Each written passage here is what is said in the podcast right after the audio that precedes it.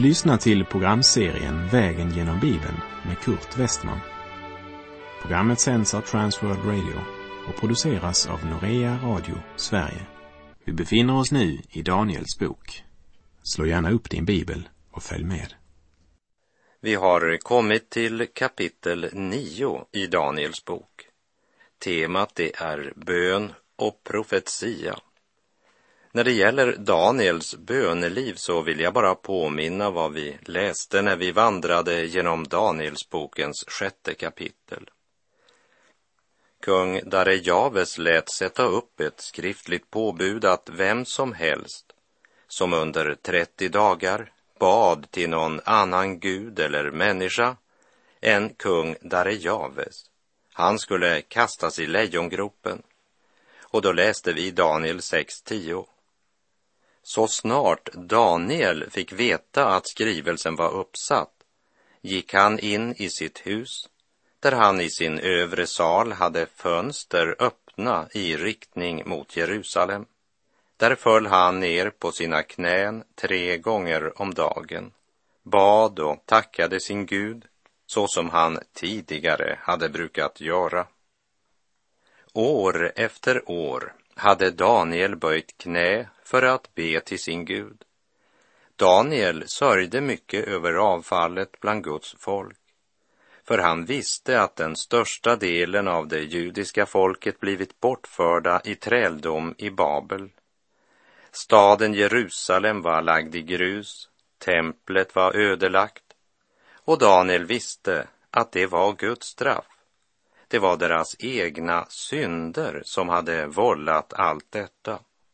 I sin nöd och smärta över situationen tar Daniel sin tillflykt till två saker, ordet och bönen.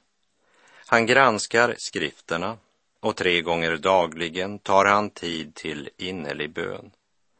Om jag skulle göra en lista över de tio viktigaste kapitlen i Bibeln så vill jag nog ha med Daniel kapitel 9 på den listan. Det är ett kapitel där Daniels liv i bön kulminerar. Daniel sammankallade ju sina vänner till ett bönemöte när han behövde få veta Nebukadnessars dröm och förstå tydningen.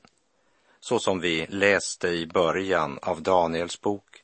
Och han fortsatte att vara en bönens man hela vägen. Och kapitel 9 visar oss att Daniels böneliv var något mera än ett ritual.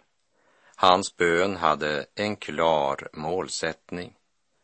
Och vi får här också se in i de realiteter i den andliga världen som berörs av den människa som har en nöd på sitt hjärta och utgjuter den nöden inför Gud.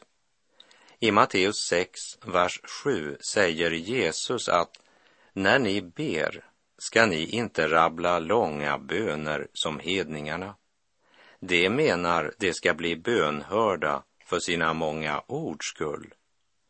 Det är ingen verklig bön. Daniels bön var varken slumpmässig eller planlös. Den styrdes av den kompass som heter studiet av Guds ord. Den vittnar både om självkännedom och insikt om situationen. Och den innehåller en total öppenhet i bekännelsen. Tyvärr hålls det väl inte många sådana bönemöten idag.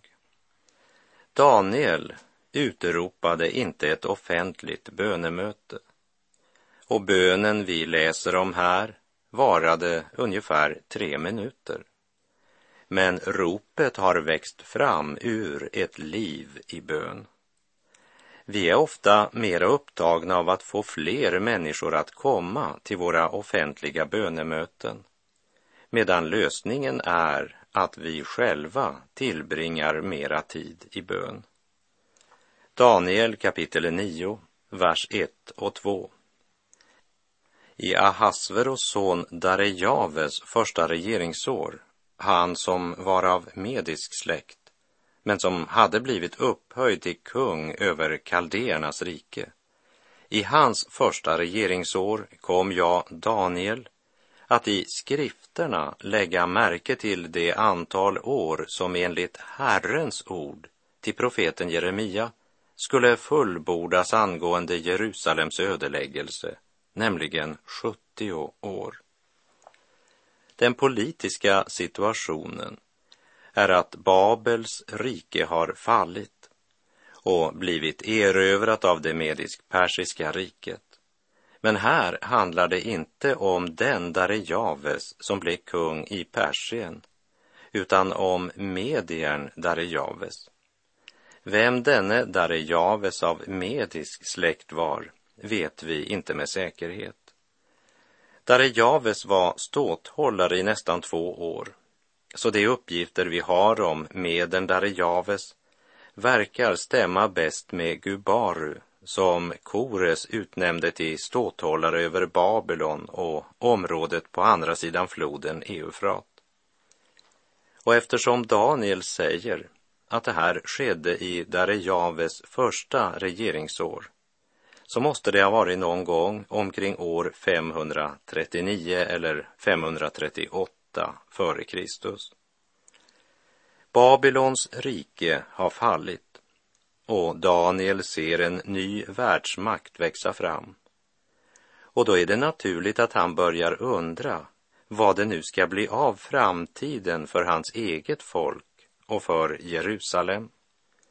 Han vänder sig till Guds ord, börjar studera profeten Jeremia. Och Jeremia, han hade profeterat att fångenskapen skulle vara i 70 år. Daniel själv är nu mellan 85 och 90 år. Han hade förts till Babylon cirka 17 år gammal. Alla dessa år hade varit fyllda av studium och bön och han praktiserade sin kunskap. Hans gudsfruktan, den var uppenbar för alla ståthållare, vise män och stjärntydare i Babel. Trots alla svårigheter så försjönk inte Daniel i självömkan och resignation. Han vandrade med Gud. Han var djupt skakad av synen han haft, som vi läste om i kapitel 8, där han såg ett horn växa fram som skulle vålla hans folk mycket lidande och vanhelga Jerusalems gudstjänst och templet. Daniel söker Gud i bön. Och det är viktigt att lägga märke till att det var studiet av Guds ord som satte hans hjärta i brand. Det var när det skrivna ordet grep hans hjärta som behovet av innerlig bön växte fram. Och det är en sanning som det är viktigt att ha klart för sig när det gällde troshjälten Daniel som likt Abraham var en man vars liv präglades av bön till Gud. Det var något som brann i Daniels hjärta och den lågan var tänd genom Guds ord.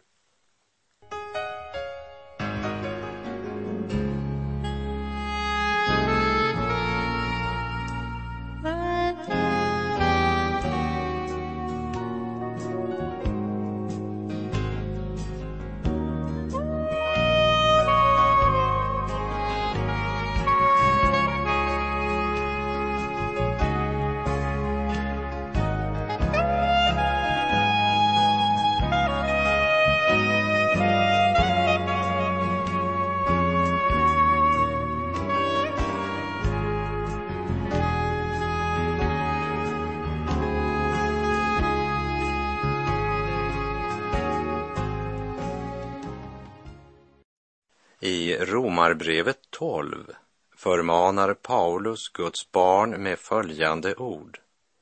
Anpassa er inte efter den här världen, utan låt er förvandlas genom sinnets förnyelse, så att ni kan pröva vad som är Guds vilja, det som är gott och fullkomligt och som behagar honom.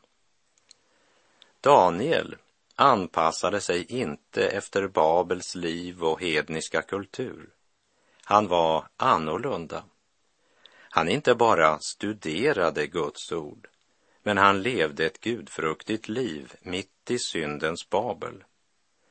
Medan Daniel studerade så blev han uppmärksam på orden i Jeremia 25, vers 11 och 12, där det står Hela detta land skall ödeläggas och förstöras och dessa länder skall tjäna Babels kung i 70 år. Men när 70 år har gått ska jag straffa kungen i Babel och folket där för deras missgärning, säger Herren. Och även kaldéernas land skall jag göra till en ödemark för all framtid. Och i Jeremia 29, vers 10 och 11 kunde Daniel läsa. Ty så säger Herren, när 70 år har gått för Babel skall jag ta mig an er och uppfylla mitt löfte och föra er tillbaka till denna plats.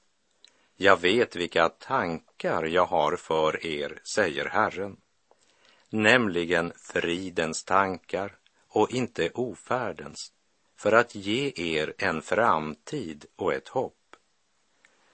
Men nu hade ju de 70 åren snart gått och det fanns inga yttre omständigheter som talade för att Israels barn skulle få återvända. Och förresten, vad fanns det att återvända till? Allt var lagt i grus. Jerusalem var en ruinhög. Daniels dilemma det är att Guds ord ser ut att säga en sak, men verkligheten tycks inte stämma med löftet. Då vänder sig Daniel till Gud i innerlig bön. Det är hjärtats rop. Och den som önskar veta vad det vill säga att be böner som brinner av tro och hopp måste ha ett hjärta som är format och har fått sin näring genom Guds ord. Den helige Ande blåser inte eld i ett tomt hjärta. Och vi kan inte hoppa över våra andliga plikter bara därför att känslorna sviker, utan komma ihåg att vi har att göra med en verklig Gud, en bönhörande Gud.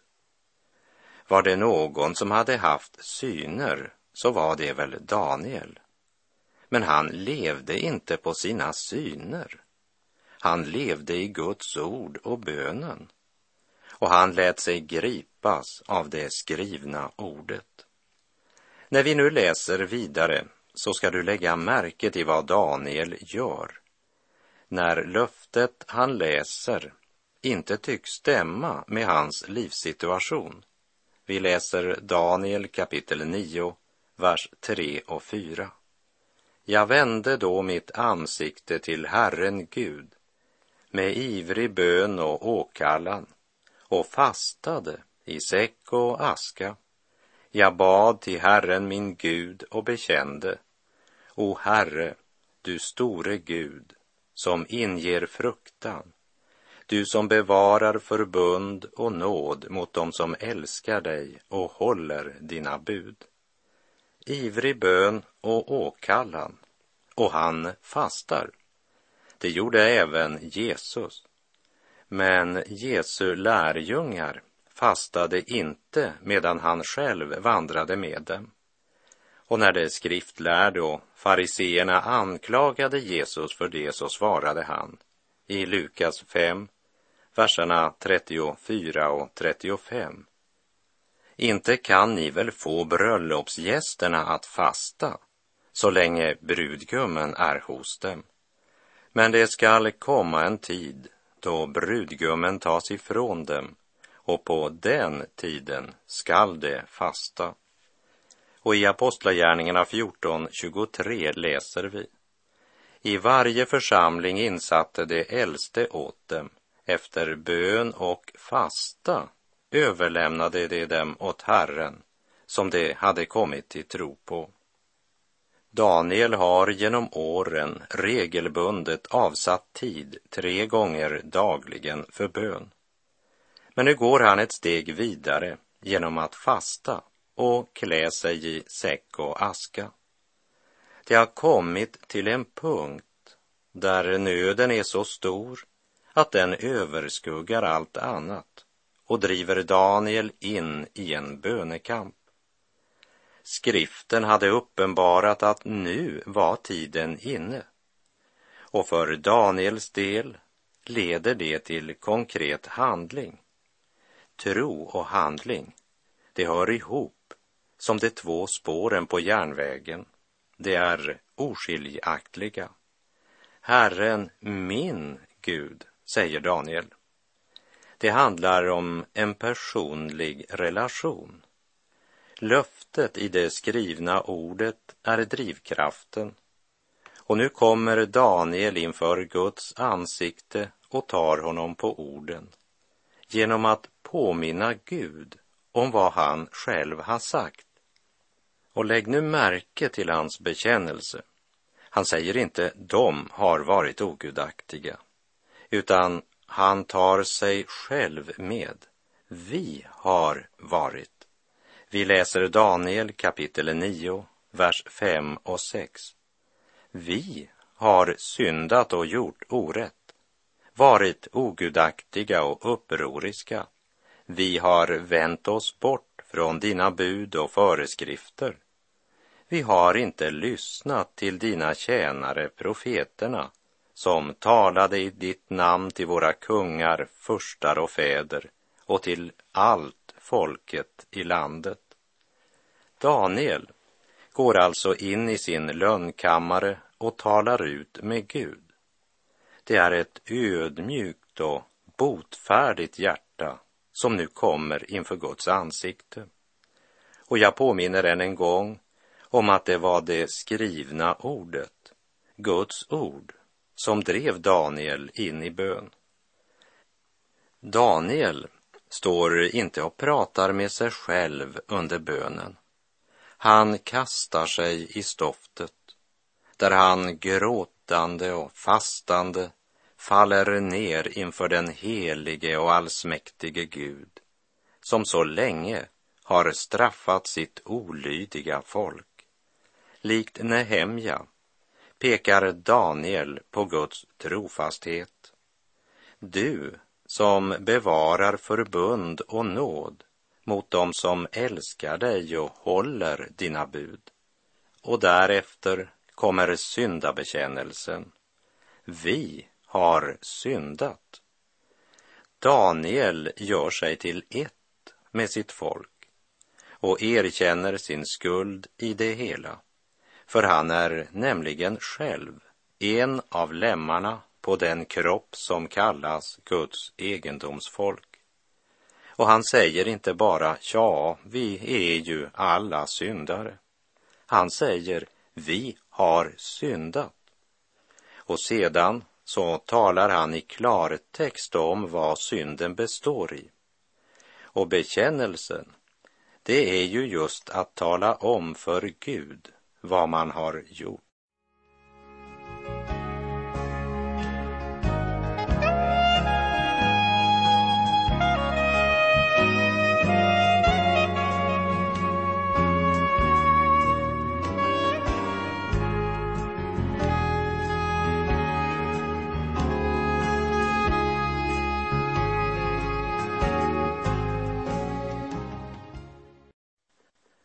Vi läser i profeten Daniel kapitel 9 och vers 7. Du, Herre, är rättfärdig, men vi har dragit skam över oss. Så är det idag med judamän och Jerusalems invånare och hela Israel. Både de som bor nära och de som bor långt borta i alla andra länder dit du har fördrivit dem därför att de var trolösa mot dig. Israels barn hade blivit spridda för alla vindar. En del var i fångenskap i Babel och det fanns massor av dem i andra länder. Men Daniel talar inte om några förlorade stammar. Skingrade var de, men han visste var de var. Daniels bön vittnar om en sann förståelse av Herrens doms och löftesord angående den fångenskap de befann sig i. Daniels stora sorg är väl att han har sett hur lite frukt straffdomen har burit bland Guds folk som helhet. Det fanns så lite sorg över synden och så liten vilja till omvändelse och bekännelse. Medveten om sitt folks obotfärdighet går Daniel och folkets vägnar in i bot, bön, fasta och bekännelse. Vi läser Daniel 9, verserna 18 till och med 14. Ja, Herre, vi med våra kungar, furstar och fäder måste gömma våra ansikten i skam därför att vi har syndat mot dig. Men hos Herren, vår Gud, finns barmhärtighet och förlåtelse. Vi var upproriska mot honom och lydde inte Herrens, vår Guds röst. Vi vandrade inte efter de lagar som han förelade oss genom sina tjänare, profeterna. Hela Israel överträdde din lag och vek av utan att höra din röst. Därför utgöts också över oss den förbannelse och den ed som står skriven i Guds tjänare Mose lag. Vi hade ju syndat mot honom. Han höll sina ord som han hade talat mot oss och mot våra domare som dömde oss. Han lät en så stor olycka komma över oss att något liknande det som nu har skett i Jerusalem inte har hänt någon annanstans under himmelen. I enlighet med det som står skrivet i Mose lag kom all denna olycka över oss. Men ändå sökte vi inte att blidka Herren vår Gud genom att vända om från våra missgärningar och ge akt på din sanning. Därför vakade Herren över olyckan och lät den drabba oss. Ty Herren, vår Gud, är rättfärdig i alla de gärningar han gör, men vi hörde inte hans röst. Daniel började med att tala om skillnaden, kontrasten mellan Guds trofasthet och folkets synd mellan Guds rättfärdighet och deras skam, som gjorde att de måste gömma sina ansikten. Folket hade splittrats, nationen ödelagts på grund av deras synder. Han erkänner att de hade förtjänat det straff som hade drabbat dem. Gud hade handlat rättfärdigt. Kära vän, om du vänder dig till Gud men ursäktar din synd. Om du säger, Herre, du vet att jag är svag och kom i den eller den situationen, då anklagar du Gud för dina synder. Du säger att Gud gjorde ett misstag. Han borde ha tänkt på din situation och inte låtit dig pröva så svårt. Men saken är den att du och jag får vad vi förtjänar och vi behöver bekänna vår synd inför Herren. I vår tid så kan vi höra folk antyda att det är Gud som har handlat fel. Men det är inte Gud som handlar orätt. Det är det vi som gör. Till sann bot hör både ånger och tro. Daniels bön består i ånger över synden och en bekännelse av Guds nåd och trofasthet. Att leva i bot betyder att leva i evangeliet.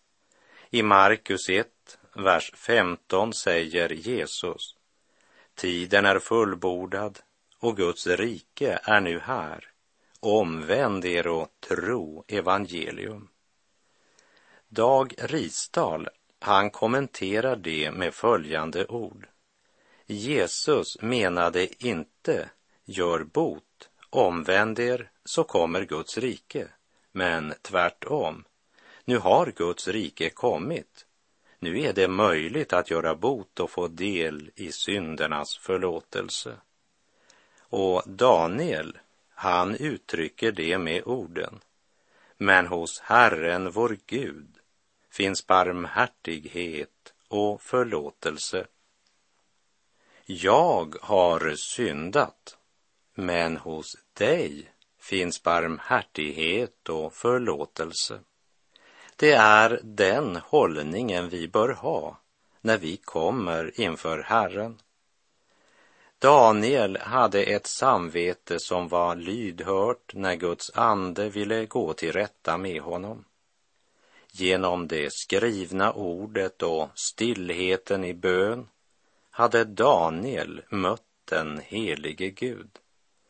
För Daniel så var både orden om förbannelse och orden om välsignelse en verklighet.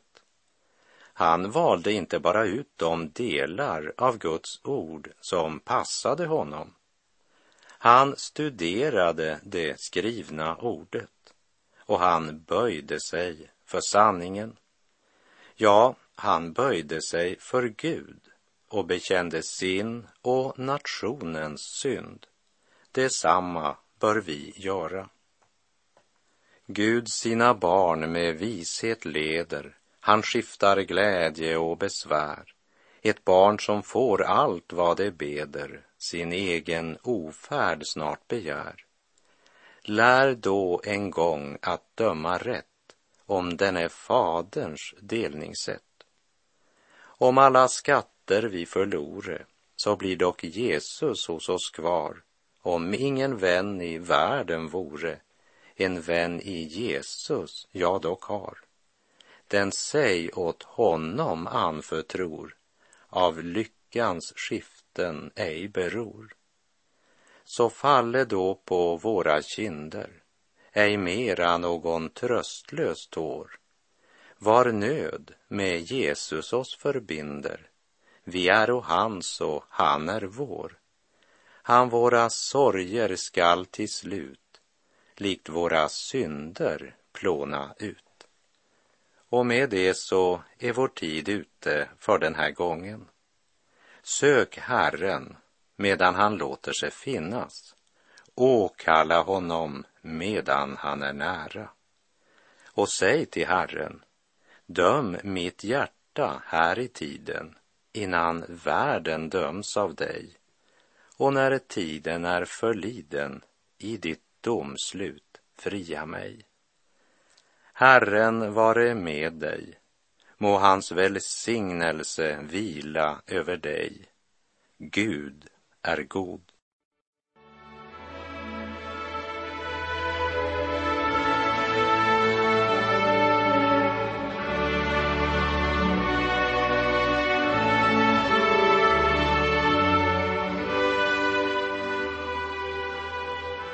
Du har lyssnat till programserien Vägen genom Bibeln med Kurt Westman som sänds av Transworld Radio. Programserien är producerad av Norea Radio Sverige. Om du önskar mer information om vårt radiomissionsarbete så skriv till Norea Radio Sverige, box 3419 103 68 Stockholm. Adressen är alltså Norea Radio Sverige, box 3419. Postnumret 10368 Stockholm.